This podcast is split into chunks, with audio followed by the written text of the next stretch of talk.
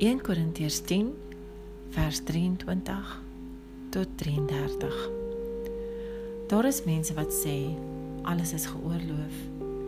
Ja, maar nie alles is heilsaam nie.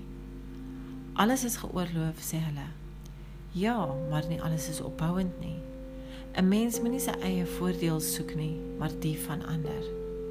Alles wat in 'n slaghuis verkoop word, kan jy eet sonder om ter wille van die gewete navraag te doen.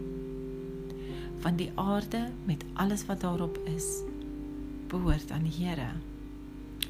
As 'n ongelowige julle uitnooi en julle besluit om te gaan, kan julle alles eet wat vir julle voorgesit word sonder om ter wille van die gewete navraag te doen.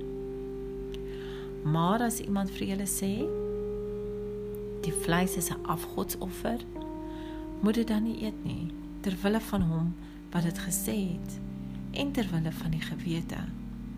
Ek bedoel nou nie jou eie gewete nie, maar die van die ander man. Waarom sou jy vra?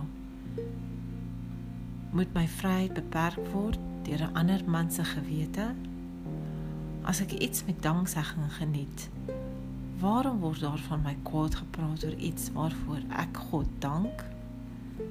Of jy eet en of jy drink en of jy ook al doen, doen alles tot eer van God.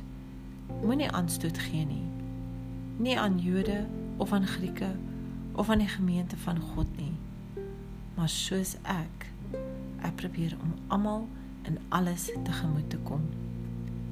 Ek soek nie my eie belang nie, maar die van baie ander sodat hulle gered kan word.